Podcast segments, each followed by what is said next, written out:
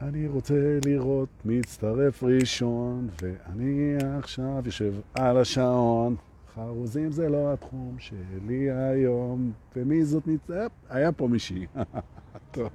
זה נילי אלקלעי, הזוכה שלנו לבוקר, ומיד בעקבותיה תהילה. אבל נילי היא הייתה הראשונה. בוקר טוב לאימי סייג, בוקר טוב לתמר אביב, בוקר טוב לתהילה, בוקר טוב לשני. בקשי, המצב? בום, 30 אנשים כבר. יואו, זה פשוט... אז אני קיבלתי החלטה שאני אנתק, אנתק, אנתק, אנתק, ואת הרשות שאני נותן לעצמי לבלבל את המוח ממספר האנשים, כי אי אפשר ככה. והנה דפנה ינקלביץ', דפנה ינקלביץ' הצטרפה, ואלעד ברנועי מהמצב אח שלי יקר, אוהב אותך ומתגעגע. וריב ויגאל אורי פה, ואיציק שחר איתנו פה מצטרף, ומור אילוז, וכבר אנחנו שישים, ואימא'לה, זה פחד. פחד קהל, אימת קהל. זה כבר סיבה, תראה, כשאנחנו עושים את הסדנאות בתקופה שאין סגר, כשאנחנו עושים את הסדנאות כל חודש, אנחנו עושים סדנה אצל רועי רוזה. מעט אנשים, שש שעות בשבתות, פעם בחודש, משהו מדהים. אז uh, התבטלה האחרונה בגלל הסגר, טוב, מה לעשות? אבל זה אחד מהדברים שאני אוהב, זה שרועי רוזן, הוא תמיד מזכיר לאנשים שלעשות לייב בפייסבוק, ובכלל לצלם את עצמך מדבר, זה פותח מרחב טיפולי עם עצמך, משהו מדהים. נכון. עכשיו, אם זה עוד חשיפה לקהל, ואם זה עוד בלייב, שכאילו, מה שאתה אומר זהו. אנשים שמעו כבר, הלך עליך. ואתה מצלם איך שאתה נראה, עם החסרונות שלך, עם השגיאות שלך, עם הבלגנים שלך, ופתאום אתה מגלה שזה בסדר. שבסדר, שאתה בסדר שיש לך מה להגיד, או שאין לך מה להגיד, זה גם בסדר. שמותר לך לבוא ולפתוח מצלמה ולהיות. לדבר מה שאתה רוצה, להיות מי שאתה רוצה, להיראות איך שאתה רוצה, וזהו, ואתה לא צריך, ואף פעם לא היית צריך גם, לעמוד באיזושהי ציפייה של מישהו, בטח לא בציפייה של עצמך. הנה זיו פלר איתנו, ותכף אנחנו מאה. וואי, וואי, הסגר הזה, זה דבר מדהים. כי הוא פשוט אפשר לכם להיות בבית ולפתוח את המצלמה ב-11 בבוקר, אז זה כיף. נכון. אז תודה לסגר. בוקר טוב, מה שלומכם? היום אנחנו ביום ראשון, 24 בינואר 2021, מה המצב? והיום, לפני שאנחנו נעלה על המרכבה, היום, אם אני לא טועה, זה הפרק, אני חושב, אני חושב, ה-105 או 106, אני אסתכל אחר כך. בואו נגיד שזה ה-105.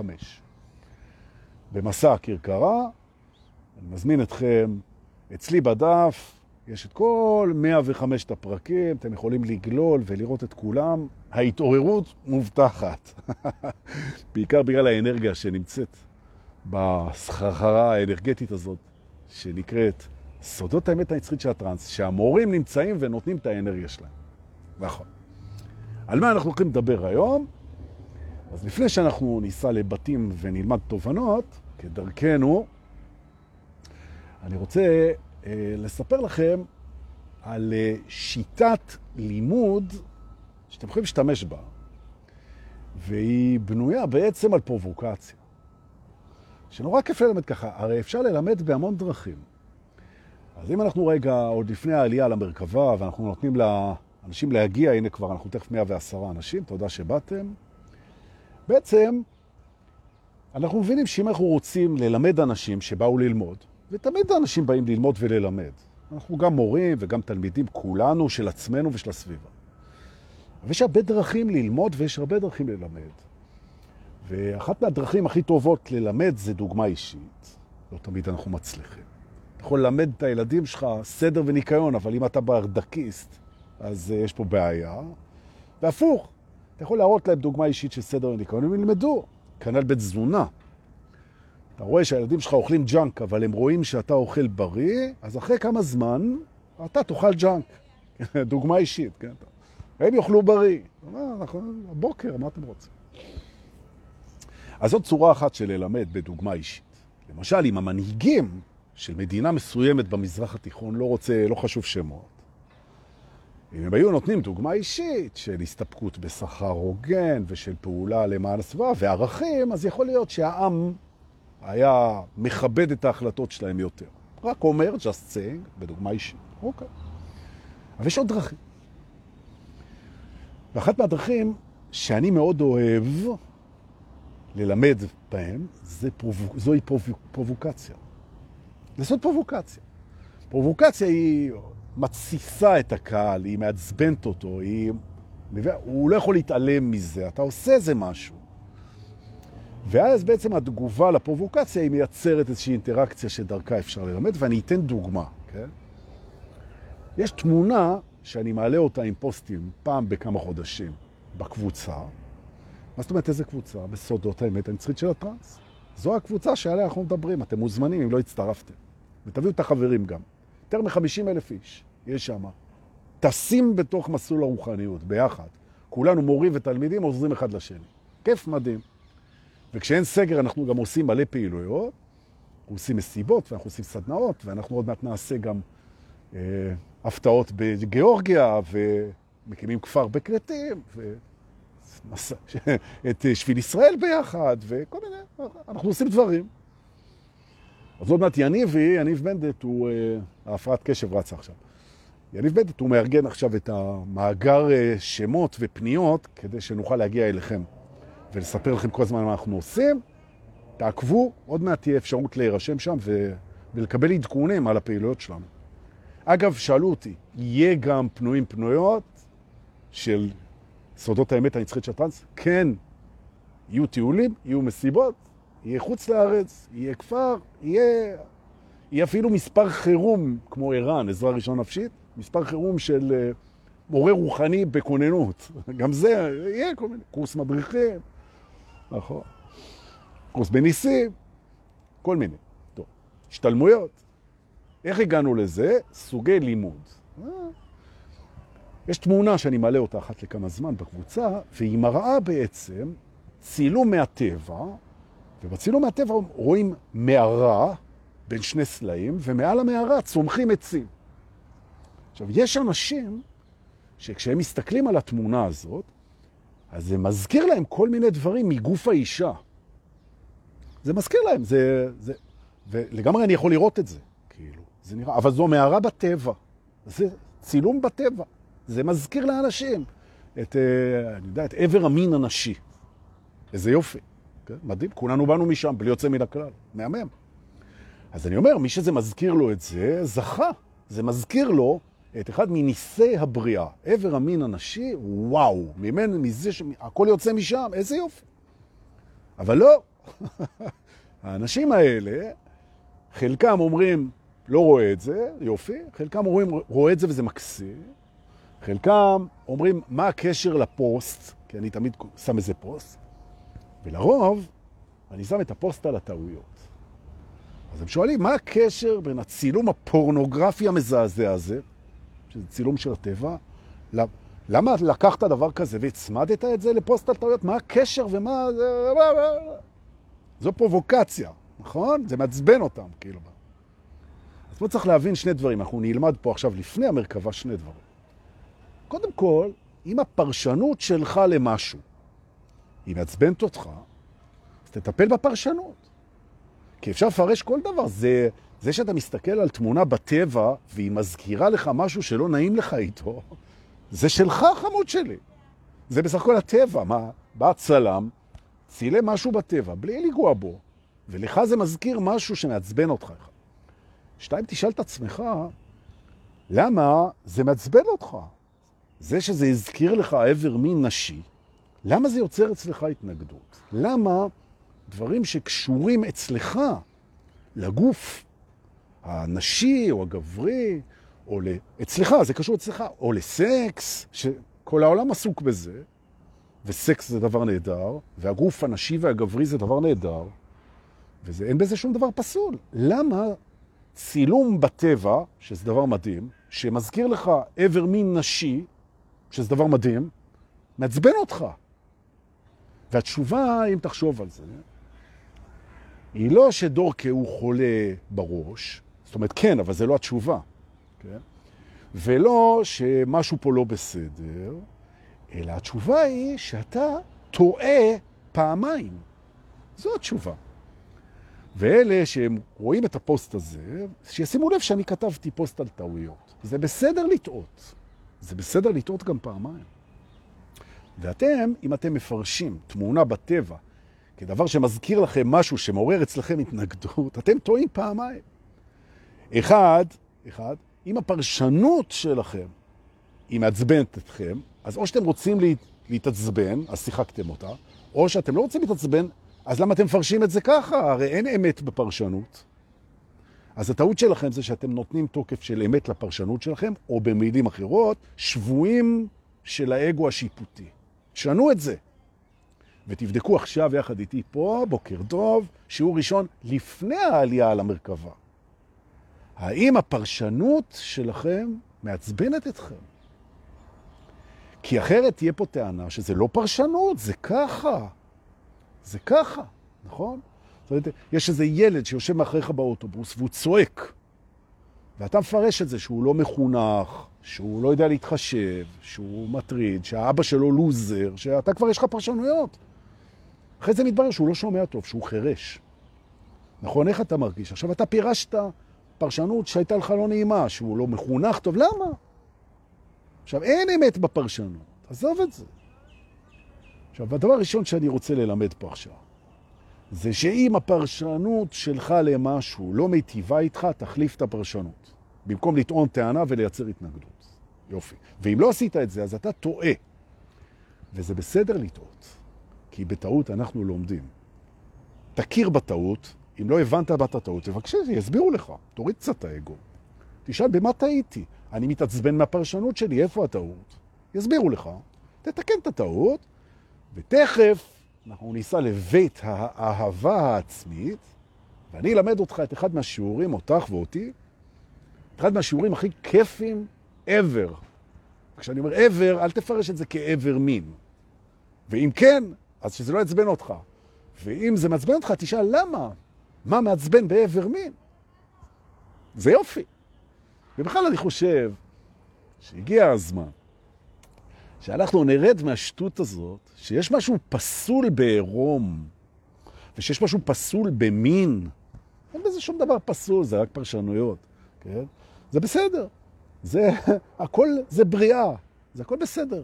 בני אדם הם יפים, ערומים, לבושים, נחמדים, הכל בסדר, נכון. וזה שאתה או את, יש בכם התנגדות או רתיעה או סלידה או פחד או התרחקות או דאבל סטנדרט, כן? מדברים שקשורים בגוף האדם, זה דבר שצריך לבדוק אותו, נכון? כי גוף האדם הוא דבר מדהים, הוא מקסים. נכון. אני זוכר שהייתי בשנות ה-80, אחרי הצבא וזה, נסעתי עם ידידה ליוגוסלביה, אז הייתה יוגוסלביה פעם. ויש להם חופים נהדרים, ויש שם מלא חופי נודיסטים. ממש. עכשיו אני באתי, הייתי בן 20 ומשהו, 22, אני יודע, סטודנט, מירושלים, די מרובה במחשבות. ואני בא לחוף מקסים, אומרים לי, אדוני, אם אתה רוצה להיכנס לחוף, אז אתה צריך uh, להסתובב ערום. אמרתי, יו, זה חדש לי הסיפור הזה, כאילו, מה, כאילו, מה, מה ערום עכשיו? לא, זה... אבל אמרתי, טוב, יאללה, נוריד את הבגד נראה מה קורה. עכשיו, זה גם קטע, כי אתה צריך לשמור על המערכת שבדרך כלל נמצאת בתוך הבגד ים, שלא להישרף בשמש, שזה גם איזה, גם על זה צריך לחשוב, אבל טוב. ואני נכנס לשם, ערום, ואני מגלה תוך עשר דקות שכולם מסתובבים ערומים, והכל בסדר. ומסתובבים שם אנשים שהגוף שלהם במושגים חברתיים הוא לא נראה טוב. כל מיני שמנים, שעירים, זקנים, נשים בנות 80 עם חזה נפול ותחת... בוא נגיד, זה לא העירום שאתה מתענג לראות אותו, אבל מסתובבים ככה. ואמרתי לעצמי, מה זה? כאילו, זה, זה מפגע ויזואלי, אני לא רוצה לראות את זה בכלל. אבל עובדה שהייתי שם. עכשיו, גם המקלחות שם, אין דלתות. אז אתה רואה, עומד איזה מישהו שהוא הוא לא נראה טוב במושגים נורמטיביים, והוא מתקלח, והכל הם עוברים וכל מסתכל. ואז ירד לי האסימון. ירד לי האסימון. זה בעיה שלי, זה לא בעיה שלהם. זה לא שהם לא נראים טוב, זה שאני מחפש, אני מחפש איזשהו לוק, ואני משווה את זה בציפייה לאיזשהו לוק, ומתאכזב וטוען שזה לא לגיטימי. ואז הם לימדו אותי שם, ותודה לחוף נודיסטים הזה שם ביוגוסלביה לשעבר, שבעצם גוף האדם הוא יפה גם אם הוא בלוי, וגם אם הוא מקומט, וגם אם הוא שמן, וגם אם יש דברים שהם לא מדליקים אותך. והיופי לא קשור למשיכה והעדפה. זאת אומרת, אם אנחנו מסתכלים על גוף האדם, תעזבו רגע מה מדליק אותי, מה מגרה אותי ואיך הייתי רוצה להיראות. תעזבו את זה רגע, נכון? גם כשאתה מסתכל על כלב, אתה לא רוצה להיראות כמו כלב, נכון? אבל הוא יפה. למה אני יכול להסתכל על כלב ולהגיד, איזה כלב יפה, אבל למרות שאני לא הייתי רוצה להיראות כמוהו, נכון? גם לא הייתי רוצה לשכב איתו. בואו נגיד ביום רגיל. אוקיי? אבל, אה, ובכל זאת אני מסתכל על איזה מישהו, על איזה קשיש, על איזושהי זקנה, על איזשהו משהו, ואומר, מה זה הדבר הזה? ובכלל, אז נכון, אז זה לא הטעם שלך, וזה לא מושך אותך, ואתה לא רוצה לראות ככה, והיית שמח לראות דוגמניות מדהימות מול העיניים, נכון, אבל עדיין זה יפה. זה גוף של בן אדם, זה מקסים, זה יפה. זה בדיוק כמו שאתה מגיע לשדה. השדה, גם אם הוא לא חרוש, וגם אם הוא לא מטופח, אז הוא יפה, הוא יפה בדרכו. או במילים אחרות, אם אתה לא רואה את היופי בכל דבר, זה בעיה שלך, נכון? יש יופי בכל דבר, גם בכיעור יש יופי. עכשיו, אתה נהיה שיפוטי, אתה אומר, למה מישהו שלא נראה כמו שצריך מסתובב ערום, למה הוא צריך לטלטל, סליחה, את הזין השמות שלו מול העיניים שלי? למה לא? למה לא? זה הגוף שלו, מה זה למה? כולם צריכים להיות אה, פוסטרים? כולם צריכים להיות מושלמים? מה פתאום? ולכן, אנחנו הולכים לעשות שינוי היום, בשני דברים. אחד זה להבין שהפרשנות שלנו צריכה להיטיב איתנו. בטח שהיא לא נכונה. אז לא רק שהיא לא נכונה, כל פרשנות היא לא נכונה. פרשנות היא לא נכונה. אז אני אומר, כי אפשר לפרש אחרת. פרשנות היא פרספקטיבה. אז תפקידה של הפרשנות היא להיטיב איתנו, נכון? או להצמיח אותנו, ללמד אותנו משהו. עכשיו, יש לי פרשנות שברור שהיא לא נכונה והיא עושה לי רע, אז אני אחליף את הפרשנות שלי. והאגו לא רוצה. האגו רוצה שהפרשנות שלו זה יהיה ככה, זה ככה, כמו ש... נכון. זה מגעיל וזה נורא וזה, נכון? ואז פתאום יש לנו הסתייגויות. זה לא בסדר, זה לא נכון, אנחנו נהיים שיפוטים. זה ככה. זהו, כי ככה ראינו את זה, אז בואו. אוקיי? עכשיו, אנשים שהם קצת עתיקים בתפיסות שלהם, ובאים מבתים יותר uh, נוקשים, וקשה להם לקבל את זה, והם שופטים, והם מאשימים, והם מסתייגים, והם סולדים, והם סונטים, והם נוזפים, והם נותנים ביקורת, והם מצטדקים, righteousness, הם נהיים צדקניים, הצדק איתם. זה הכל. והם אומרים לי, דור, מה אתה מעלה פה תמונות שלו? וזהו. אני אומר, דבר ראשון, תאהב אותם. כי הם סובלים מתפיסת צרה. תאהב אותם. זה שהם באים אליך בטענות, זה בעצם בקשה לאהבה. נכון? וגם אתה, יש מקומות שאתה, אתה דורקה, אתה, יש מקומות שאתה עוד לא היטבת לראות, שאתה צר. אז במקומות שאני צר ואני לא רואה נכון, ויש מלא כאלה, אז אני רוצה שיאהבו אותי וילמדו אותי, ולא שיחסו עליי שאני צר. נכון? אז בבקשה. יופי. אז זה דבר ראשון שאנחנו... והדבר השני זה שנעמוד סוף סוף, וזה תרגיל הבוקר, נעמוד סוף סוף היום מול המראה בביתנו הקט, או הגדול, לא משנה, נתבונן ערומים בגופנו, שקיבלנו מתנה, זה המתנה החומרית הכי גדולה שקיבלנו ונקבל אי פעם. זה הגוף שלנו. ואנחנו נסתכל עליו, ובמקום להסתכל עליו ולהשוות אותו לאיך שהיינו רוצים שהוא ייראה, או למה שלדעתנו מושך, או לאנשים שלדעתנו נראים יותר טוב מאיתנו, או למערך התיקונים, שיפורים, שפצורים וסידורים שהיינו רוצים להעביר אותו, או דרך מערך הטענות של אני שמן מדי, אני זה, הרגל שלי ככה, האצבע שלי ככה, הגב שלי ככה. אדוני, אתה לא אמור לשכב עם עצמך פה. אתה לא אמור להיות רק אובייקט מיני מול עצמך. אתה לא אמור להיות סמל סקס, או לפחות לא רק. עכשיו תשחרר את עצמך רגע מהעדפות שלך, תשחרר את זה. תשחרר את עצמך מההשוואות שלך, תשחרר את זה. תנשום. תסתכל על הגוף הזה שקיבלת, זו המתנה הכי גדולה בחומר שתקבל וקיבלת אי פעם, ופשוט תאהב את זה, כמו שזה. וזה שאתה רוצה את זה יותר שרירי, יותר גבוה, יותר צעיר, יותר נחמד, יותר מתוח, יותר חלק, יותר, זה בסדר. נכון? יש הרבה דברים שאנחנו רוצים יותר, זה בסדר. מה זה קשור לזה שזה מתנה מאלוהים? ואתה עומד מול המראה, ואתה מתבונן על המתנה החומרית הכי גדולה שקיבלת מהבורא, מן הראוי שאתה תאהב את מה שאתה רואה, ואם אתה לא אוהב את זה, תשאל את עצמך למה, וזו טעות, ומותר לך לטעות. וזה בסדר. אז מה, אז אתה לא רואה את היופי שלך, אז אתה לא רואה את היופי בבן אדם השמן, הזקן, המקומט, השעיר, ה... אה, שנמצא לפניך, נכון? עם החדשקונים, עם ה... נכון. אז אתה לא רואה את זה, אז זו טעות. אז תתקן את הטעות. ואפשר. נכון. היופי נמצא בעיני המתבונן, כמו גם האהבה. נכון. יש מקום שבו אתה יכול לראות את היופי שלך גם כשאתה לא נראה כמו שהיית רוצה להיראות. יש מקום כזה, תמצא אותו בבקשה. ולא יהיה לך בעיה יותר להתפשט אף פעם. נכון. ומי שהיה בסדנאות עירום, דבר שאני באופן אישי לא מחבב, אני לא מחבב, אבל אני לא... להתנגדות, זה לא הקטע שלי. סתובב ערום בתוך סדנאות, או לחילופין, כן? שאנשים מסתובבים ערומים כל הזמן, זה לא הקטע שלי, זה לא מגניב אותי, זה לא, אבל זה, זה בסדר, אוקיי? אני יכול לקבל את זה. כמו גם אורגיות, להבדיל. אוקיי? שיש אנשים, לפעמים מזמינים אותי, זכיתי. דורקה וזה, בוא, יש איזה אורגיה. לוקחים איזה וילה, באים עליה אנשים, וסדום ועמורה, איזה יופי. אני לא, זה לא הקטע שלי, אני יותר באחד על אחד. לא, זה... אבל בבקשה, אם אנשים מתכנסים לחגוג מסיבה של מין ביחד, מבחינתי, אם זה בהסכמה, אני האחרון שאשפוט את זה. אבל אני, זה לא מגניב אותי. אז זה שאני לא הולך, זה לא אומר שלא בסדר.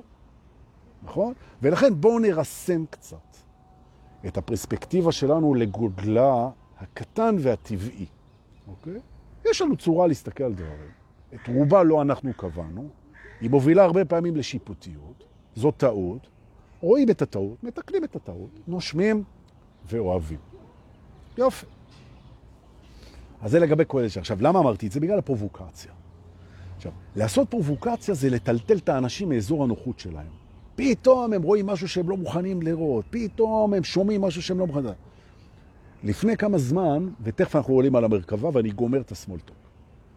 ונתחיל ללמוד. אנחנו ניסע לבית האהבה העצמית, שיעור לפרצוף. איך אני יודע? סתם, אני זה... סתם אני מוכר את זה, לא יודע. על אשמח ימים עברו, אתה נשען על זרע. לפני כמה שנים הזמינה אותי איזה מישהי שאני מאוד אוהב, הזמינה אותי למפגש של אנשים רוחניים אצלה בבית. איזה כיף שמזמינים אותך לדבר כזה. אוקיי. באתי לשם, באתי גם עם איזה חברה שאני מאוד אוהב, הכל, באנו, והתפתח איזה דיון, ואנשים, ישבו שם אנשים עם, במדרגות רוחניות גבוהות, עם הרבה ידע, אה, באמת, עם הרבה ידע שאפשר ללמוד מהם המון, ממש. תותחים ישבו שם, בכל מיני גילאים. היינו שם, אני חושב, על שמונה או עשרה. וראיתי, כשהתיישבתי, ראיתי שבאמת יש שם הרבה מאוד מה ללמוד, והרבה מאוד מה ללמד גם, ושאלתי את עצמי, מה אני יכול ללמד, כי ללמוד היה, היה מה ללמוד שם, מה אני יכול ללמד את החבר'ה האלה, שהם פשוט תותחים אחד-אחד שם, באמת. ואמרתי, אני אלמד אותם את אחד מהשיעורים שקשורים בפרובוקציה. מה זאת אומרת? אני ארגיז אותם. אני ארגיז אותם, אני אצבן אותם. ונראה איך החבורת רוחניקים הזאת, איך היא מתנהלת כשהיא כועסת. בסדר. אני כזה, מה לעשות? אני... ואמרתי, טוב, מה הכי יעצבן אותם? מה יעצבן אותם? הם כולם כזה מדברים בשקט, לא כמוני. אני... זה רוחניקים אמיתיים. הם שלווים, הם שקטים, הם מכבדים, הם נושמים, הם מודעים, ואני לא אומר את זה בציניות, כאלה. אמרתי, טוב, איך אפשר לעצבן את החבורה הזאת? מה זה? אמרתי, טוב, בוא ננסה. אמרתי, אני אעשה את מה שהכי קל לי לעשות. אני אשתלט על השיח. או במילים אחרות, אני לא אשאיר להם מקום. אני פשוט אפתח מבהירים, ואני פשוט... ו... כן? אתנהג בצורה שהיא לא מכבדת. זה לא מכבד לבוא לפורום של אנשים כל כך טובים וזה, ולהשתלט על האירוע. אמרתי, אני אעשה את זה, זו טעות לעשות את זה. לא משנה שעשיתי את זה בכוונה. אבל, זו, ונראה איך הם יתייחסו לזה. ומשהו כבר יקרה. וכך היה. התחלתי להשתלט על השיח, הם נפגשים הרבה פעמים, אני הייתי אני אורח. בא אורח ומשפריץ דאווין, ואנו... נו. אז הם כאילו לא ידעו מה לעשות עם זה, ואחרי שהאירוע נגמר, אז הם כעסו מאוד. כבר כשהאירוע עוד היה, הם כעסו מאוד, מה פתאום? הם כעסו. הם כעסו. ואז התקשרה אליי זאתי, הבעלת בית שארגנה את הדבר הזה, ובנימוס ביקשה ממני לא לבוא יותר לאירועים האלה, כי אני בלתי נסבל, מה שנכון אגב, ומשתלט, וכי הם כעסו עליי והם אמרו שהם לא רוצים יותר לראות אותי בחיים, הרוחניים האלה. ואז אמרתי לה, תקשיבי, אולי הפוך, אולי הם למדו פה את שיעור הטעות. כי הרי בעצם אם יגיע בן אדם שעושה טעות ולא נותן מקום, אז להתייחס אליו בכעס ולהוקיע אותו ולנדות אותו ולכעוס עליו ולשנוא אותו, זה, זו לא רוחניות, זה אגו שיפוטי. הדבר הנכון זה להגיד לבן אדם, תקשיב, אני מרגיש שאתה לא משאיר לי מקום. ואתה בטח עושה טעות ולא שם לב לזה, אז אני מראה לך את זה ואוהב אותך בכל מקרה. ואת זה הם לא ידעו לעשות, החבורה הזאת. וזה מה שאמרתי לה. אמרתי לה, עזבי אם אני אבוא לא אבוא, עזבי אם יצאתי בתדמית שלי שחצן או שוויצר או שתלטן, אבל הם, תשאלי אותם, האם אהבתם את היצור הזה כשהוא עשה את הטעות החברתית הזאת והפגיז? הוא היה ב ego trip. האם אהבתם אותו או סלדתם כאילו, נידיתם, שפטתם, כעסתם, התחפרתם, התרחקתם. כי אם הוא לימד אתכם את זה, במחיר זה שאתם חושבים עליו שהוא טעה, אז הרווחתם שיעור גדול. נכון. לקח לה יום-יומיים להקל את הדבר הזה, שזה מהר, כי בכל זאת האגו לא אוהב את זה, שהוא היה צריך ללמוד פה משהו, ואז היא חזרה אליי בטלפון ואמרה לי, תשמע, אתה צודק. נכון, אחלה שיעור. תודה, תודה. חלקם ראו, חלקם לא ראו, חלקם... אוקיי, נכון. כולנו טועים. וברוכים הבאים לכרכרה שלנו, אנחנו נוסעים היום לבית האהבה העצמית כדי ללמוד את השיעור של הטעויות. וזה שיעור מדהים, זה שיעור מדהים, איזה שיעור נהדר, טוב שבאתם, 170 אנשים תכף בלייב, ואנחנו יום ראשון פותחים שבוע, בואו תעלו ואנחנו עפים לבית האהבה העצמית. בית האהבה העצמית, אני רוצה לספר בדרך, נעים מאוד, אני המדריך שלכם הבוקר, קוראים לי דור פולס, שמח שבאתם. אני מצטער שאני משתלט על השיח, אבל אל תכעסו עליי, הכוונה שלי היא טובה, נכון? אני רוצה להגיד לכם, תראו, מה שחשוב לזכור בנושא של אהבה עצמית, זה שאהבה עצמית זה בעצם השער שדרכו אתה אוהב את העולם, ודרכו העולם אוהב אותך. זאת אומרת, האשליה שהעולם יאהב אותך יותר ממה שאתה אוהב את עצמך, לא. עבדתי שנים על התנועה הזו, וזה לא הצליח, ראיתם? נכון. דורקט, טייס קרב אתה כבר לא... זה... נכון. קואורדינציה זה לא... אהבה עצמית היא השער לאהבת העולם אותנו. אם אני מחכה שהעולם יאהב אותי, שבכלל יאהבו אותי, ואני לא אוהב את עצמי, אני סוגר את השער, אי אפשר, הם לא יכולים להיכנס. זה השער. וזה גם השער שדרכו, אני אוהב אחרים. והמחשבה של האגו, של הדאבל סטנדרט, של המוסר הכפול, שהוא אומר, אני את עצמי לא כך אוהב, אבל אני יודע לאהוב אחרים, דחילק. אחרים היא השתקפות שלך. איך אתה יכול לאהוב אותם אם אתה לא אוהב את עצמך? והפוך, איך יאהבו אותך אם אתה לא אוהב את עצמך? ולפיכך, גבירותיי ורבותיי, והנה הגענו. ואנחנו מחנים את הכרכרה ברוורס בלי הצפצופים. אני פירקתי את, ה, את הצפצפה הזאת של הפיפ פיפ, אני פירקתי את זה. זה מטריד את השכנים, נכון? יש רק אור כזה אבל זה פיפ פיפ טוב. ואנחנו מחנים ונכנסים לבית האהבה העצמית תוך כדי שאנחנו נזכרים שככל שאנחנו נאהב את עצמנו יותר, ותכף נבין מה זה, ככה ייפתח השער לאהבת העולם אותנו ולאהבתנו את העולם. זאת אומרת שזה שיעור, מה שנקרא היום, מהבסיסים והחשובים ביותר. אנא שבו בבית האהבה העצמית ונתחיל ללמוד. השיעור שלנו באיחור של קשקושים של דור, סליחה, סלחו לי, על הפטפטת. טוב שיש פאסט פוררד, אפשר אחרי זה ב... כן.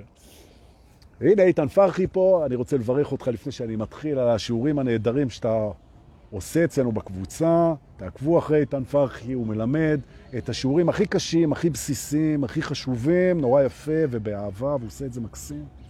ובכלל, תעקבו אחרי המורים בקבוצה, שהם מורים מדהימים, והם באים ונותנים שיעורים מדהימים, תקראו, תראו איזה יופי. בכל פוסט יש מסרים שמכוונים גם לתת מודע שלכם.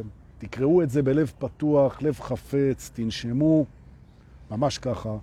ואני מנסה, וגם האדמין, אנחנו מנסים שהקבוצה תיתן סטרים של לימוד אנרגטי ותוכני ורעיוני ורגשי כל הזמן, כדי שהמתעוררים יקבלו תמיכה, והרעיון הוא פשוט על בסיס יומי לתמוך את התהליך הזה עד שהבן אדם עומד על רגליו הערות.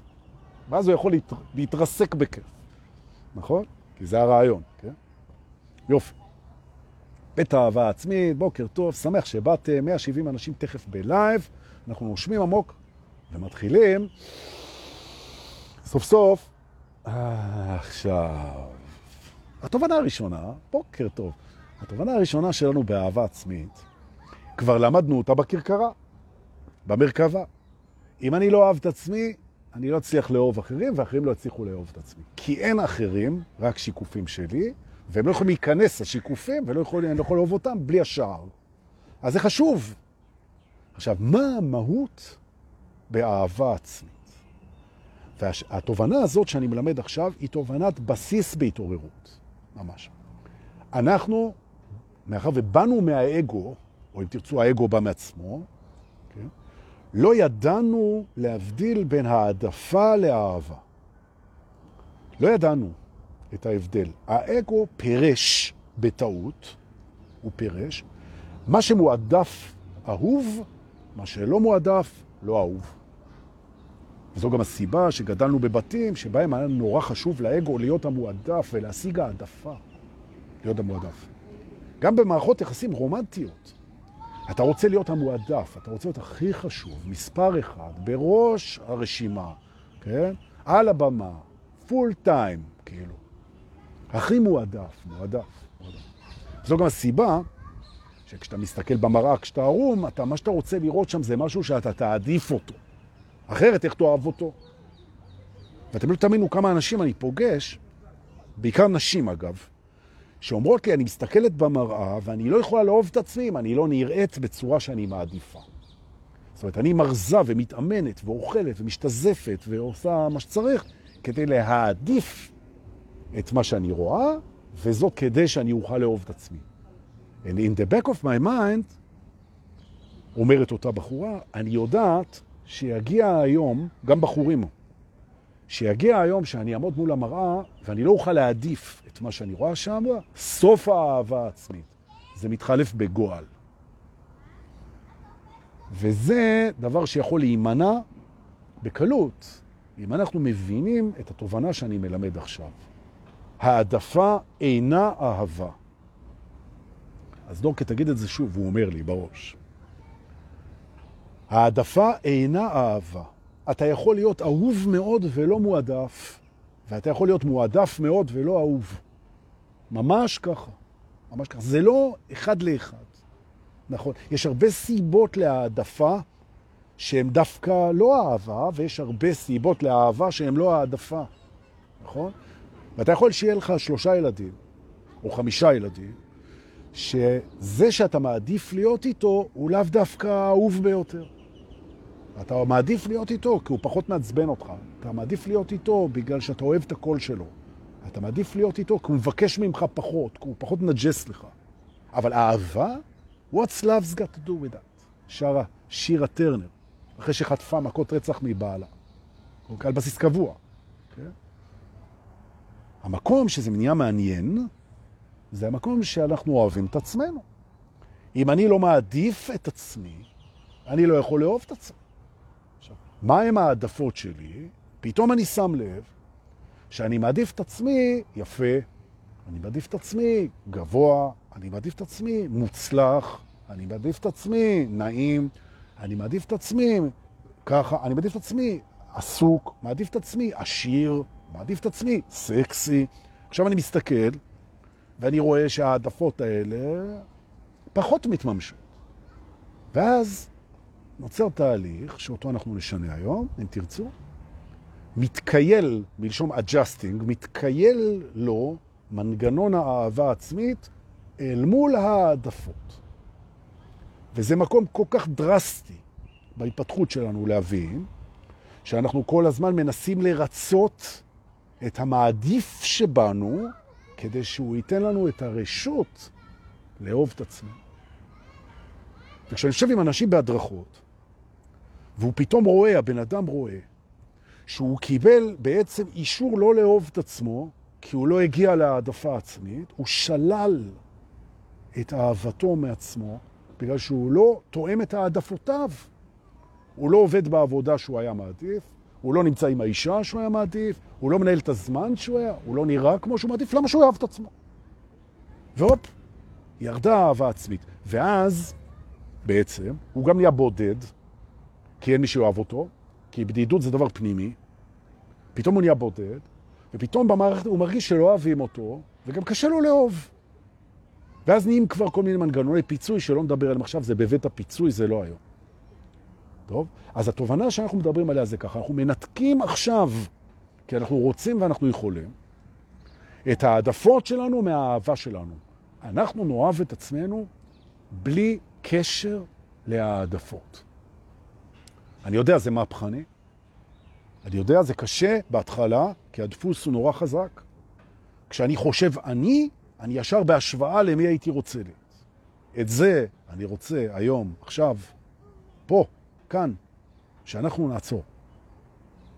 כשאני אומר לך אני, כשאני אומר לך אני, ואת חושבת אני, אני זה לא מי שאני רוצה להיות. אני זה לא השוואה למי שאני רוצה להיות. לא, זה לא אני. אני זה מי שאני אוהבת. בלי תנאי. זה מי שאני. ההגדרה לאני היום משתנה. אני זה לא תעודת הזהות שלי, אני זה לא השם שלי, אני זה לא המצב הכלכלי שלי, אני זה לא ההישגים שלי, אני זה לא הגוף שלי, אני זה לא העבר שלי, אני זה לא מה שהחברים חושבים עליי. אני זה מי שאני אוהבת. אני זה מי שאני אוהב. זה אני. או במילים אחרות, היום פה משתנית הגדרת האני. אני זה מי שאני אוהב. מה זה אוהב? האגו לא פרייר. הוא אומר, רגע, אתה זה מי שאתה אוהב, אני זה מי שאתה אוהב. מה זה אוהב? אוהב, וכבר למדנו את ההגדרה הזאת, אוהב זה מקבל כמו שאני ככה, כראוי לאהבה, זה מספיק. אחד, ורוצה בטובתי. זאת אומרת, אני מחויב לדברים שעושים לי טוב, ואני מקבל את עצמי כמו שאני ככה, כראוי לאהבה. זה לא מונע ממני להשתפר ולרצות להיות יותר טוב, יותר יפה, יותר חתיך, יותר שווה, יותר מפורסם. יותר. זה לא, הרצון ליותר הוא בסדר. יש אנשים שזה יותר גבוה אצלם, יש אנשים שזה בסדר לרצות יותר. זה בסדר. וזה גם בסדר להשוות, אבל זה לא בסדר למנוע את אהבתנו, כי ההשוואה יוצאת חרה. אז אתה אומר, תקשיב, דורקה, אני רחוק מאוד ממי שהייתי רוצה ויכול להיות. ואני מאוכזב מעצמי. אין בעיה. אם הילד שלך מאוכזב מעצמו, אתה אוהב אותו פחות? לא. נכון? אם הילד שלך מאוכזב מעצמו, אתה לא אוהב אותו פחות. אולי אתה אפילו אוהב אותו יותר. כי כשהוא מאוכזב מעצמו, הוא צריך עוד יותר אהבה. והנה, אנחנו בתובנה השנייה, או אם תרצו השלישית, תלוי מאיפה סופר. ככל שאנחנו מאכזבים את עצמנו יותר, ככל שאנחנו נכשלים יותר, ככל שאנחנו חלשים יותר, ככל שאנחנו בעייתיים יותר, ככה הצורך שלנו באהבה עצמית גובר. ילד שחזר אחרי שהוא נכשל בבית ספר, או חטף מכות, או דוקה, או התעלמו ממנו, הוא חוזר הביתה, הוא נכשל במבחן. מה שהוא צריך זה שאתה תחבק אותו ותגיד לו שאתה אוהב אותו. ולא עולה בדעתך להגיד לו, מה? אתה הוצאת 40 במבחן? אל דבר איתי, תתרחק ממני עד שאתה לא מביא 100. למרות שיש הורים כאלה, אוי ואבוי. ומי שגדל בבית כזה, אז שיבוא לטיפול. אוקיי? לא אצלי, בבקשה. אוקיי? נכון. אבל הרעיון אומר שאנחנו לא שוללים את האהבה שלנו כמכשיר לדחוף שיפור. זה, זו מניפולציה של conditional love, של אהבה בתנאי, שהיא אחת מהמניפולציות הכי אכזריות שמופעלות בתוך גידול של ילדים. אתה לא תגיע לאן שאני רוצה, אז אני לא אוהב אותך? מה זה, מה, מה זה הדבר הזה? עכשיו, דורות שלמים חונכו ככה. והרבה, יש הרבה מאוד אנשים שחונכו ככה, יכול להיות שההורים שלכם, והם לא שמים לב שברגע שהדברים הם לא כמו שהם רוצים או מעדיפים, הם סוגרים את הברז של האהבה. וילדים שהם רגישים בצורה אותנטית וקיצונית לטובה. וילד הוא רגיש, הוא פתאום מגלה שיש ירידה באהבה כשהוא לא מגיע לאן שהוא היה צריך להגיע, לתפיסת ההורים או לתפיסתו. ובלי שהוא רוצה, הוא לומד את הדפוס הזה ומאמץ אותו. ואז, אם הוא פוגש בעצמו משהו לא מועדף, הוא סוגר את הברז. ותשאלו את עצמכם, האם הברז צריך דווקא להיפתח או להיסגר כשאתם מאוכזבים, כשאתם מפחדים, כשאתם לחוצים, כשאתם מדוכאים? בן אדם, כשהוא למטה, הוא צריך יותר אהבה עצמית. ובכל זאת, הוא מגלה שכשהוא למטה, אז הוא סוגר את האהבה עצמית כדי לדרבן את עצמו לעלות למעלה. וזה, גבירותיי ורבותיי, דבר שאנחנו נשנה פה היום, כי הוא לא תקין. הוא לא תקין. מסלול ההתעוררות מתחיל באהבה עצמית. הוא מתחיל עכשיו, תמיד, והוא מתחיל באהבה עצמית. אם אתה לא יודע לאהוב את עצמך, שזה אומר לקבל את עצמך כראוי לאהבתך ללא תנאי, אתה לא בשל ללכת לשיעור הבא. אתה לא בשל. עכשיו, מהו השיעור הבא? השיעור הבא זה שלאהוב את עצמך אתה יכול רק עכשיו. ולכן לא מעניין לא אותך ולא אותי מה היה עד לפני שנייה. זה לא מעניין אותנו בכלל. זה לא מעניין אותנו בתור מתעוררים מה היה. זה מעניין אותנו רק כדי ללמוד ולהתענג. אז למדנו, עכשיו אנחנו נתענג. זה מעניין אותנו רק כדי ללמוד ולהתענג, זה לא מעניין אותנו בשום צורה אחרת. אנחנו לא מנהלים פנקס, אנחנו רק לומדים ומתענגים. נכון. אז גילינו שהאהבה העצמית שלנו נמנעת כמניפולציה לדחוף אותנו להישגים, אנחנו משנים את זה עכשיו. ואגב, זה הישג מדהים, כן? אבל אתה יכול לאהוב את עצמך בגלל ההישג הזה, אבל זה לא הרעיון, אוקיי? אנחנו היום משנים את, המולה, את המילה, את המולה, יופי דור, אנחנו משנים את המילה אני, אני equals, אני שווה אהבה עצמית. אהבה עצמית, קבלה ללא תנאי. נגיד זה עוד פעם, ללא תנאי. רק האגו עושה תנאים. לא, אני זה לא האגו שלי. נכון. אני אוהב את עצמי ללא תנאי. אני רוצה בטובתי, ואני מקבל את עצמי כמו שאני. ככה. והנה חזרנו לעמידה מול המראה. אני אוהב את הגוף שלי ללא תנאי. אולי אני לא מעדיף אותו ללא תנאי. אולי אני לא חושק בו ללא תנאי. אולי הוא לא מרגש אותי ללא תנאי, אין בעיה. אולי הוא לא מושך אותי, אולי הוא לא עושה לי חשק, אין בעיה. אולי הוא לא המועדף עליי, אין בעיה, למרות שלא יהיה לי אחר, כן? ואולי אני משווה, ואולי הייתי רוצה אותו אחרת, ואולי יש לי אלף ואחת טענות, אין בעיה. זו העדפה והשוואה. מה זה קשור? מה זה קשור לאהבה? זה הגוף שקיבלתי מאלוהים. תודה, אני אוהב אותו. נכון. אלה החיים, אני אוהב אותם, כנ"ל החיים. נכון? אלה החיים שקיבלנו. יש לנו השוואות, יש לנו העדפות, יש... זה החיים. מה? זה החיים שלי, ללכת כל בוקר לעבודה. זה לא העדפה שלך, תשנה מה שאתה יכול. אבל תאהב. האהבה, שהיא קבלה ללא תנאי ורצון בלהיטיב, היא קודמת להכל. אני רוצה להגיד זאת פעם. לאהוב זה קודם להכל. להכל, אני מדבר על מתעוררים.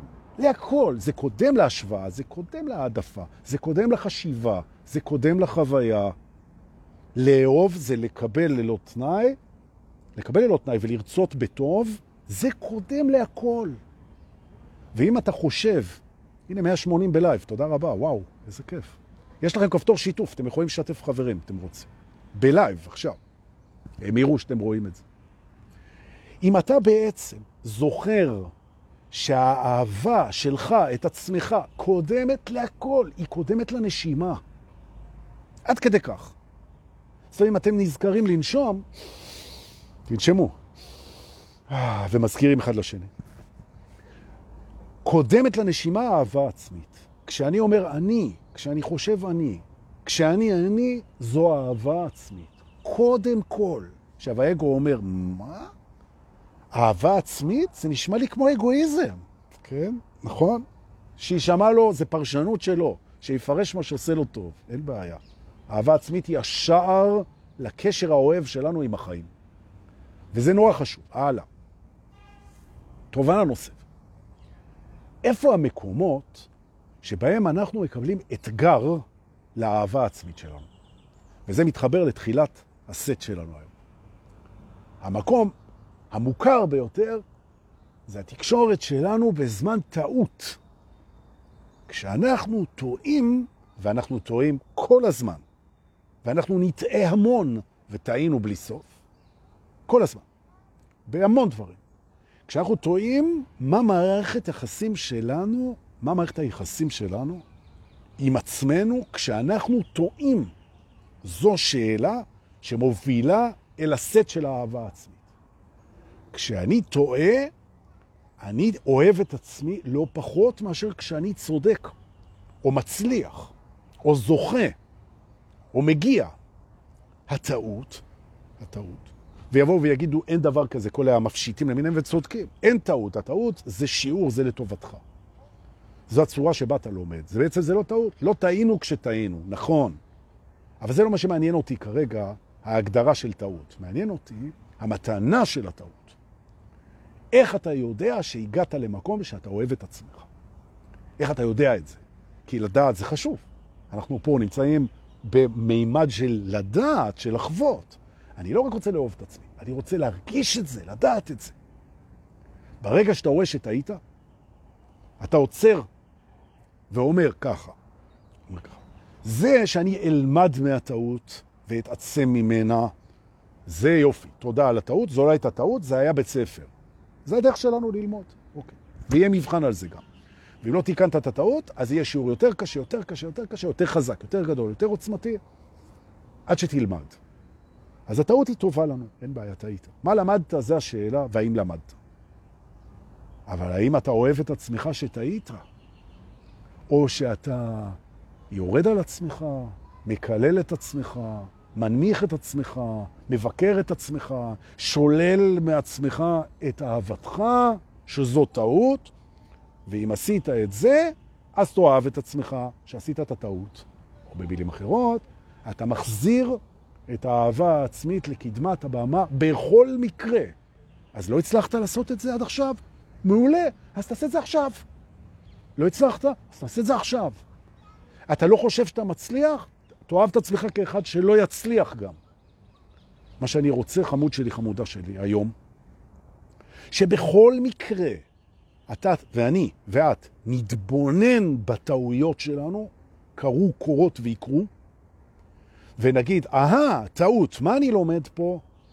והאם אני מסוגל לאהוב את עצמי, לדבר רך, להכיל, לחבק, לתמוך, להגיד לא נורא, יהיה בסדר, אתה מקסים, זה בסך הכל טעות, ובו חיבוק, האם אנחנו מסוגלים לעשות את זה מול כל הטעויות שלנו? ואם לא, אז זו טעות שאנחנו לא מסוגלים, ואנחנו נקבל את זה ונאהב את עצמנו כטועים. או במילים אחרות, ברגע שאתה מסוגל לאהוב את עצמך בטעות, כן, מול טעות, מול הטעויות, מול הנזקים, מול הפספוסים, מול האי-הצלחה, אתה יודע שאתה באהבה עצמית. נכון, כי זה המקום שבו אנחנו שוללים הכי מהר. מה? אני טועה? זה מוציא אותי קטן. אני לא אוהב את עצמי קטן, אני לא אוהב את עצמי טועה, אני לא אוהב את עצמי חסר ערך, אני לא אוהב את עצמי זקן, אני לא אוהב את עצמי חולה, אני לא אוהב את עצמי חלש. בוא נלך לחולה, אוקיי? כשאתה חולה, הגוף בגד בך. לא. הגוף לא בגד בך. הגוף מנהל עכשיו, בעצם, מסע של החלמה. ומה יעזור לו יותר מכל דבר? שתאהב אותו. שתאהב אותו. אנשים, יש להם פרידספוזיציה, יש להם התנהלות מקדמית, שהם באנטי מול הלא רצוי. אני חולה, זה לא רצוי, אני נגד הגוף. נכון. או יותר גרוע מזה, אני מתמקד במחלה, בעוד שהגוף מתמקד בהחלמה. נכון? עכשיו, הפוקוס הוא על ההחלמה ועל אהבה. ומה שיגרום לנו להחלים מהר מקורונה או מכל דבר, לא עלינו, זה לאהוב את עצמנו כשאנחנו חולים, ולהתמקד בבריאות, בהחלמה, בטוב, באור, בשמש, בחוזק, במזון הטוב, במנוחה, בסביבה, בהודיה, בשמחה, זה מה שמייצר החלמה. בעוד שהאגו רוצה ללכת אל הכאב, אל ההפסד, אל הקורבנות, אל הפחד ואל הסלידה העצמית. כי איך אני נראה? בפיג'מה אני יש לי גם כזה מצנפת חולה כזה, שאני אוהב להיכנס לזה כזה, מצנפת כזאת, ואתה שוכב ואתה בעצם ממרר את חייך. למה? למה? תאהב את עצמך. נכון. אתה הולך לרעיון עבודה, זכית בעבודה, אוי, איזה ווינר, איך אתה אוהב את עצמך, נכון? נכון, איזה כיף. הלכת לרעיון עבודה, לא לקחו אותך. וואו, איך אתה יכול עכשיו לאהוב את עצמך. תקשיב, דורקה, איך רצית את העבודה הזאת, כן? ואיך לא הצלחת לקבל את זה, והיו יותר טובים ממך, כן? וזה, והתראיינת חרא, כן? ולא דייקת, נכון. ופספסת, נכון. והפסדת, נכון. ומה אתה לומד מזה, ואיך אתה אוהב את עצמך עכשיו. מילה טובה, חיבוק, תשומת לב, להזכיר מה חשוב, תודה על הכל, פוקוס על חיובי, אהבה עצמית.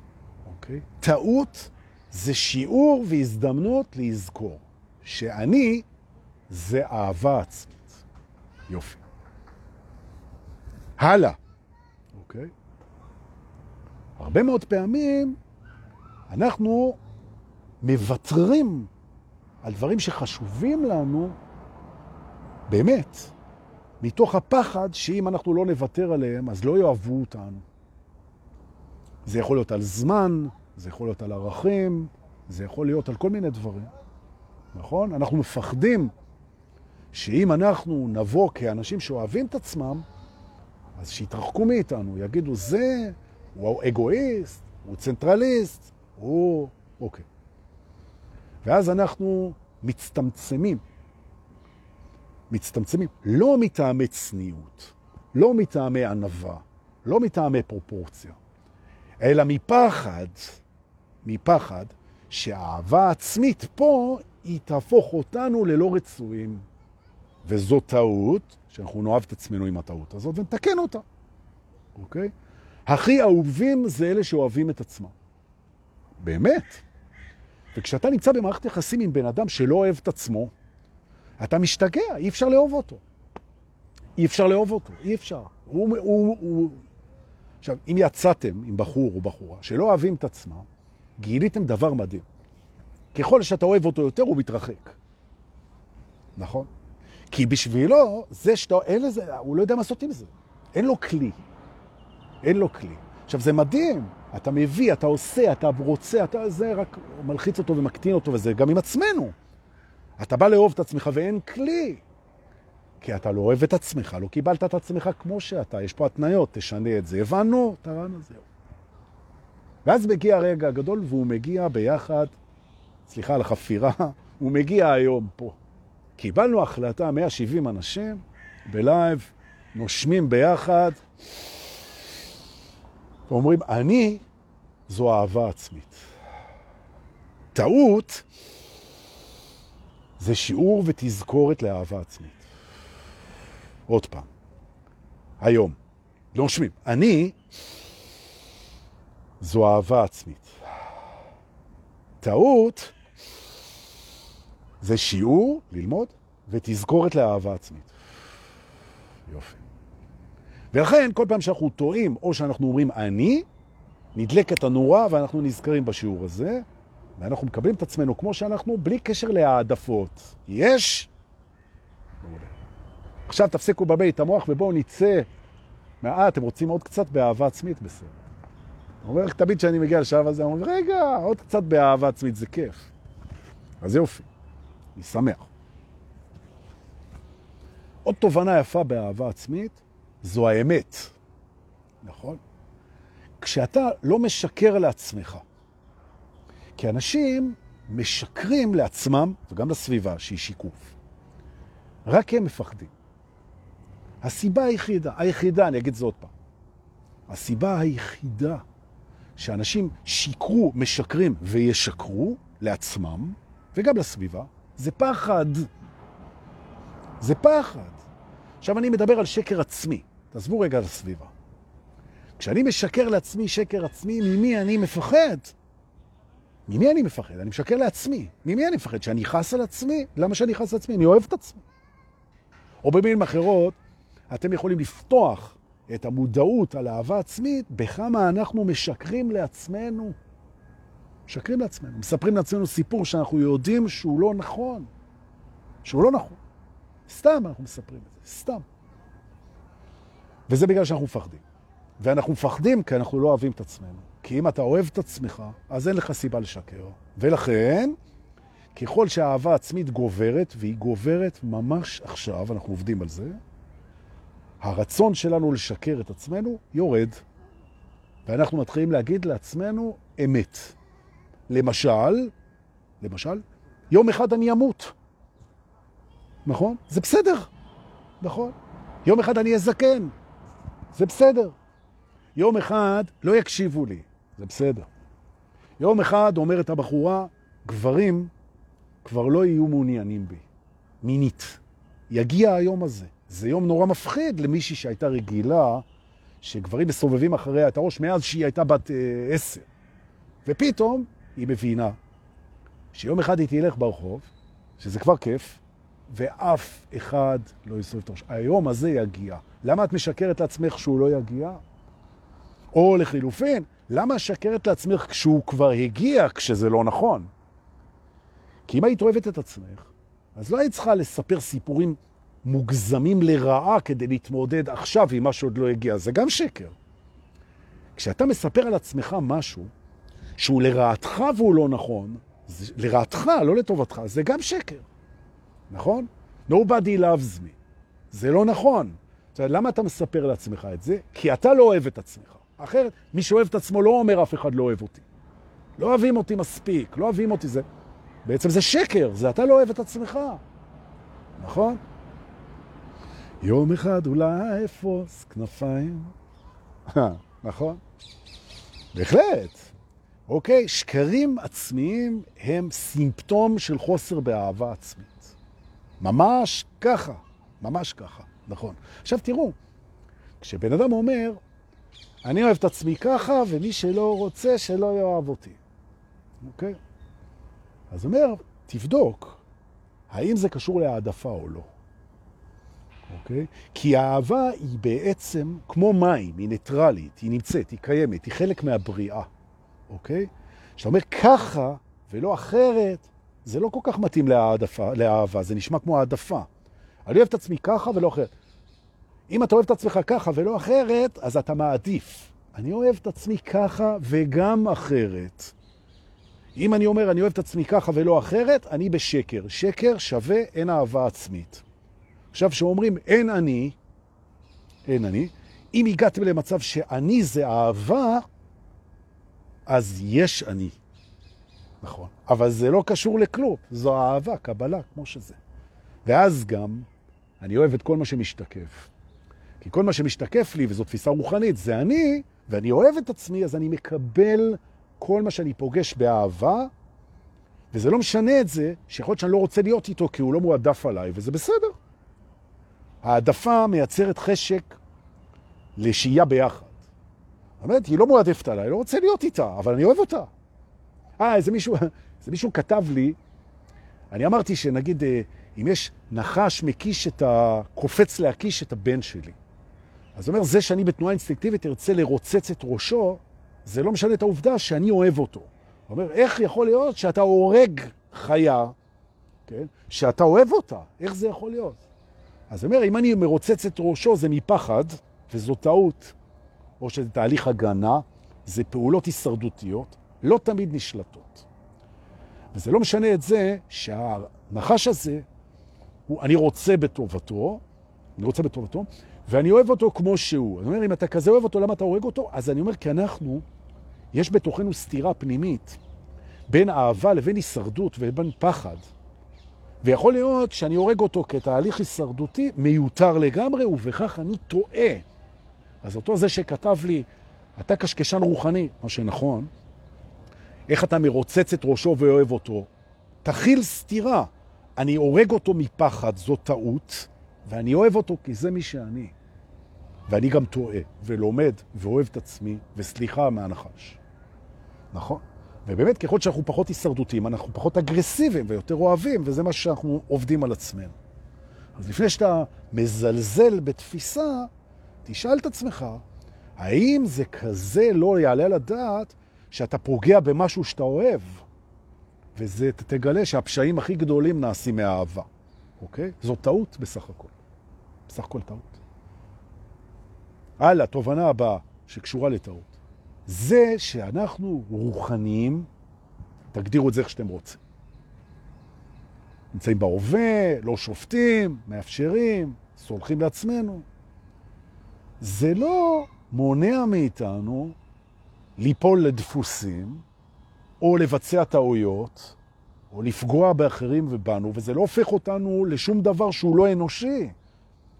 המתעורר לא מאבד את אנושיותו. להיות אנושי זה לטעות, זה להזדקן, זה להתעצבן, נכון? ממש, זה ליפול לדפוסים. אנחנו לא מפסיקים להיות אנושיים במסלול ההתעוררות. לגמרי לא. לגמרי לא. מה שכן, אנחנו לא מתנים את אהבתנו בדברים האלה. לגמרי. וזה שאני סולח למישהו שעשה משהו נוראי, זה לא משחרר אותו מאחריות. זה רק שחרר אותי מהמטען האנרגטי של הטינה. זה הנקודה. במאמר מוסגר ובדרכנו החוצה מהבית הנהדר הזה. אני רוצה להזכיר לכם את אחת מהאמיתות הגדולות, שאני אחזור עליה עוד אלף פעמים. הסליחה העצמית, קודם כל. הסליחה ולסביבה ולאלוהים ולמי שפגע. אם אפשר לסלוח, הבנפיט או המתענג המרכזי על הסליחה זה הסולח. הסולח. תהיו סולחים, זה כיף. זה כיף לסלוח. ושוב פעם, האגו אומר, מה פתאום שאני אסלח? מה פתאום שהחשבון פתוח? למה שאני אסלח? כי זה כיף לסלוח. אבל הוא ישלם על מה שהוא עשה. הוא ישלם על מה שהוא עשה בכל מקרה, יהיה לו שיעור. וזה מוביל אותי בזמן שאנחנו מתיישבים על המרכבה. זה מוביל אותי להגיד לכם, בואו אנחנו נוסעים לבית הקרמה. נכון, זו הקלה לסלוח. זה כיף לסלוח. כל יום לסלוח על משהו. אני עשיתי לעצמי תוכנית סליחה. אני סולח, סולח. נכון. מאחר והעולם ואני מבצעים כל היום טעויות, אז קל לסלוח, קל לסלוח, הוא טעה, אין פה כוונת פגיעה. נכון? סולח, סולח, בשביל, נכון. נכון? אז הנה, בא איזה פוליטיקאי ובגד באמון מצביעיו. נכון? באמת, תעלו בו תקוות, לא משנה איפה. וחשבו שהנה הוא יעמוד וזה, והוא בגד, ב, בגד ב, במצע שלו, הוא בגד בהכרזות שלו, הוא בגד באמון מצביעיו. הוא טעה. הוא טעה. נכון. תאהבו אותו. אל תצביע לו עוד פעם, תסביר לו את הטעות שלו, אוקיי? נגמר עתידו הפוליטי, לא יודע, אבל, אבל תאהב אותו, הוא טעה. מה, מה, מה יש? וישר אנחנו כל כך מהר שונאים ומאשימים, ובסדר, עשה טעות. נכון. בואו לבית הקרמה. ברוכים הבאים לבית הקרמה. מה העניינים? נושמים, קודם כל. אני רואה שהגיעו לי לפה היום, לבית הקרמה, מה אתה משחק אותה? אתה היית איתנו בבית? לא, כי אנחנו משתנים כל הזמן. מי שהיה איתכם בבית האהבה עצמית, זה לא מי שאני עכשיו. נכון? אבל את זה היית צריך ללמד בבית האהבה עצמית? לא, אני אלמד זה בקרמה, כי... אבל עם מי אתה מדבר דורקה? 170 אנשים בלייב. טוב. היום בבית הקרמה אני רוצה להזכיר לכם את היופי שישנו בנושא הזה של הקרמה. מה הקרמה מלמדת אותנו? המון דברים. עכשיו, יסלחו לי רגע כל האינטלקטואלים של הרוח שמגדירים קרמה אחרת ממני, ההגדרה שלכם יפה ומקובלת עליי לא פחות מההגדרה שלי. אבל השאלה, שוב פעם, זה לא מהי ההגדרה הנכונה, אלא מה עובד לנו. ואני מביא משהו שאני מקווה שיעבוד לנו חזק. מה שיפה בקרמה זה שני דברים שאני רוצה ללמד אותם פה עכשיו. אחד זה שברמה של הסליחה, קל לסלוח למי שאתם יודעים שהקרמה תסגור איתו את השיעור. זאת אומרת, מישהו פגע בכם, אם מישהו גנב אתכם, אם מישהו שדד אתכם, מישהו עשה איזה משהו. זה לא התפקיד שלנו לבוא איתו חשבון. זה לא שלנו. זה התפקיד של הקרמה. עכשיו, אנחנו, התפקיד שלנו זה או ללמד אותו את השיעור אם הוא מוכן לשמוע, או ללמד את עצמנו סליחה אם אנחנו כבר הגענו לדרגה, ולהשאיר לקרמה ללמד אותו את האחריות על הפגיעה שהוא עשה. הקרמה תטפל בזה. ויש לה אין סוף גלגולים לעשות את זה. ועכשיו אני אגיד משהו פה שיעצבן חלק מהאנשים.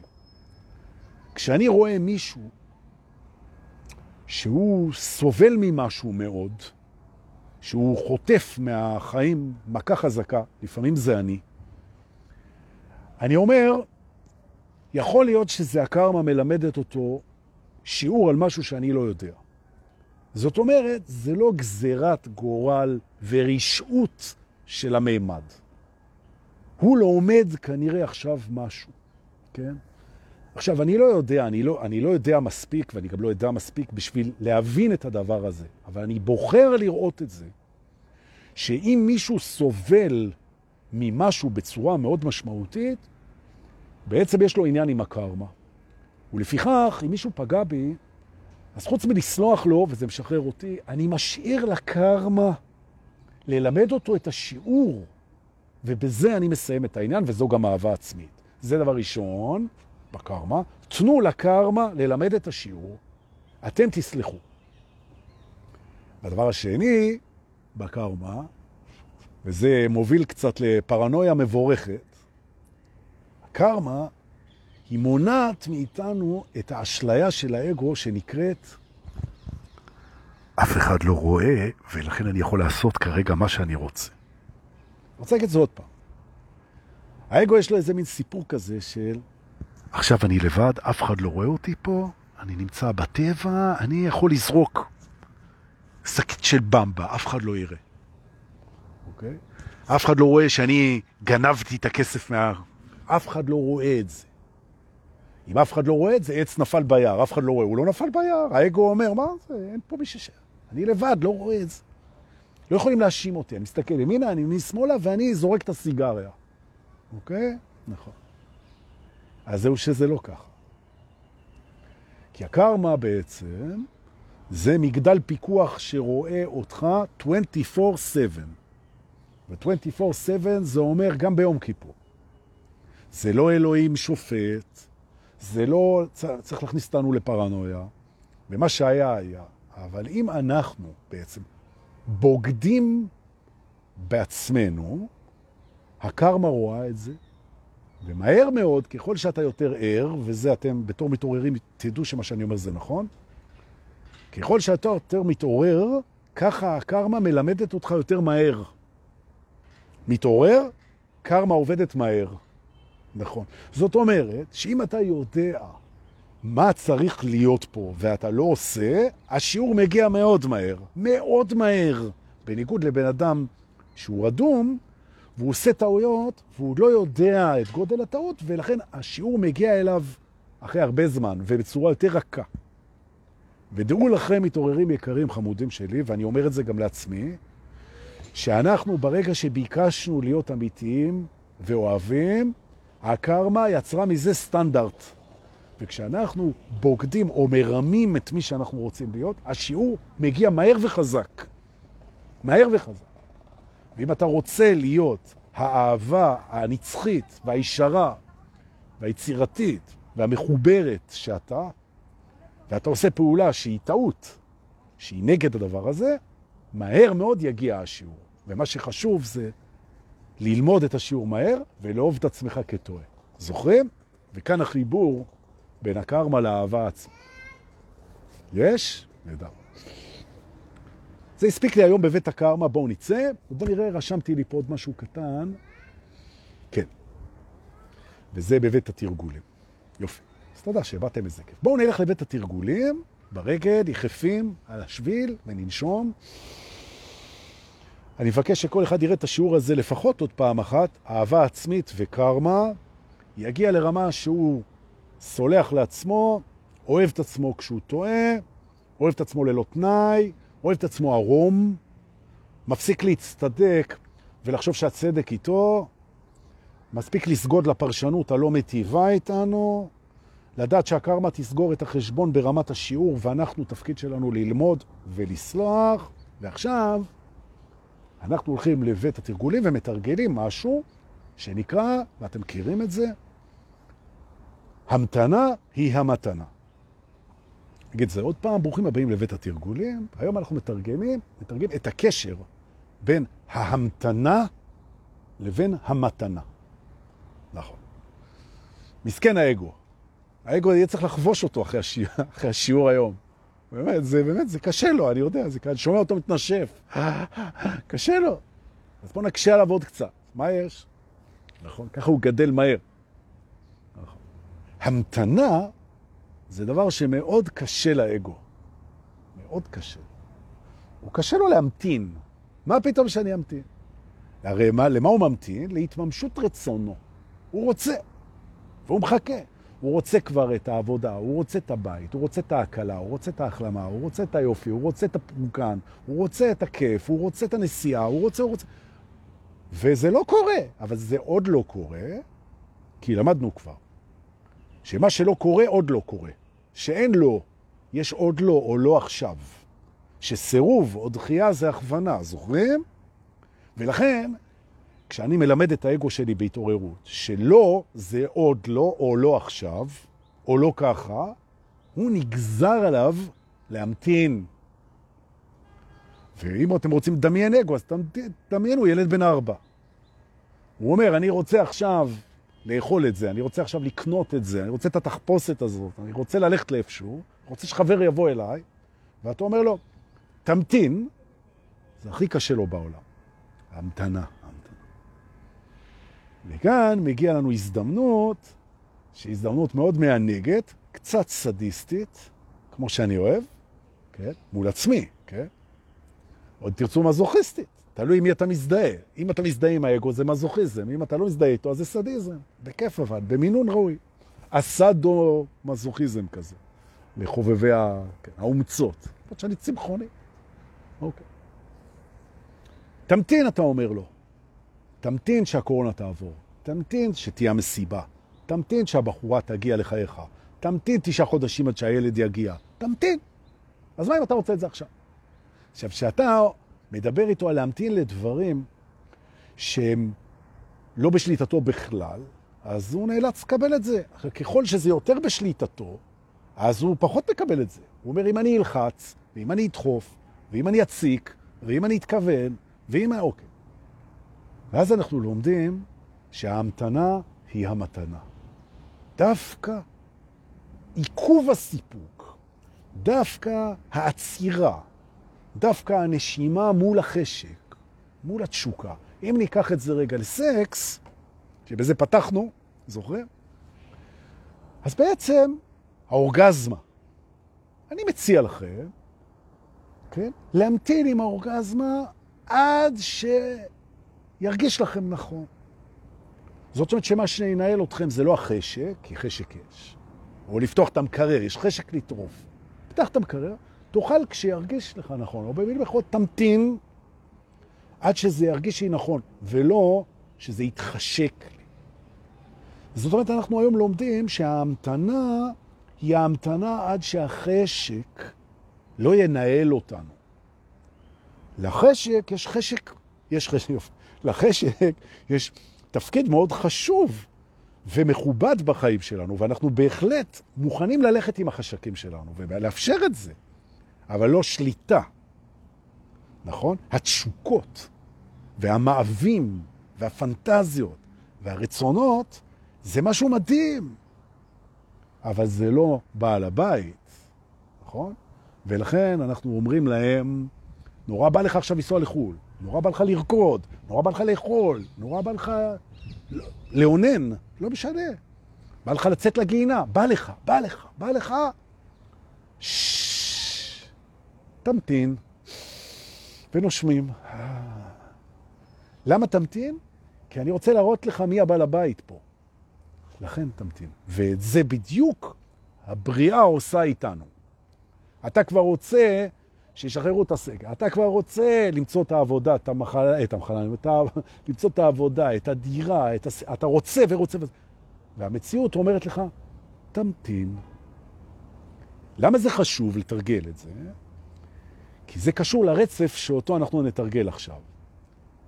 אוקיי? מה שקורה לנו, קורה לנו בזמן שנכון לנו, ולא בזמן שאנחנו רוצים. אני אגיד זה עוד פעם. מה שקורה לנו, קורה לנו בזמן שנכון לנו, מדויק לנו, ולא בזמן שאנחנו רוצים. לפעמים זה נכון לנו בזמן שאנחנו רוצים את זה. וואי, איזה כיף. זה גם נכון לנו, וגם אנחנו רוצים את זה, ואז זה קורה. זאת אומרת, אם אני רוצה את זה וזה לא קורה, אז זה עוד לא נכון לי. תמתין. נכון? אם אני רוצה את זה וזה קורה, זה נכון לי.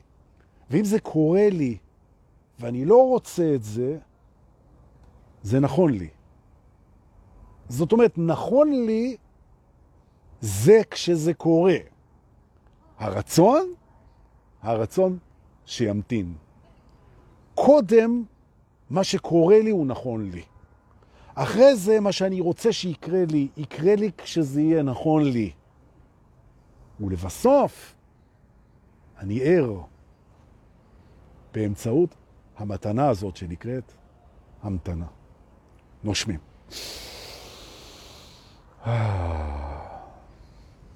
עכשיו אני יודע שאתם רוצים שאני אמשיך עם השיעור הזה, אז תמתינו. אמר דור לעצמו, כי אתה זה שרוצה, על מה אתה זורק, אתה משליך עליהם את הרצון שלך.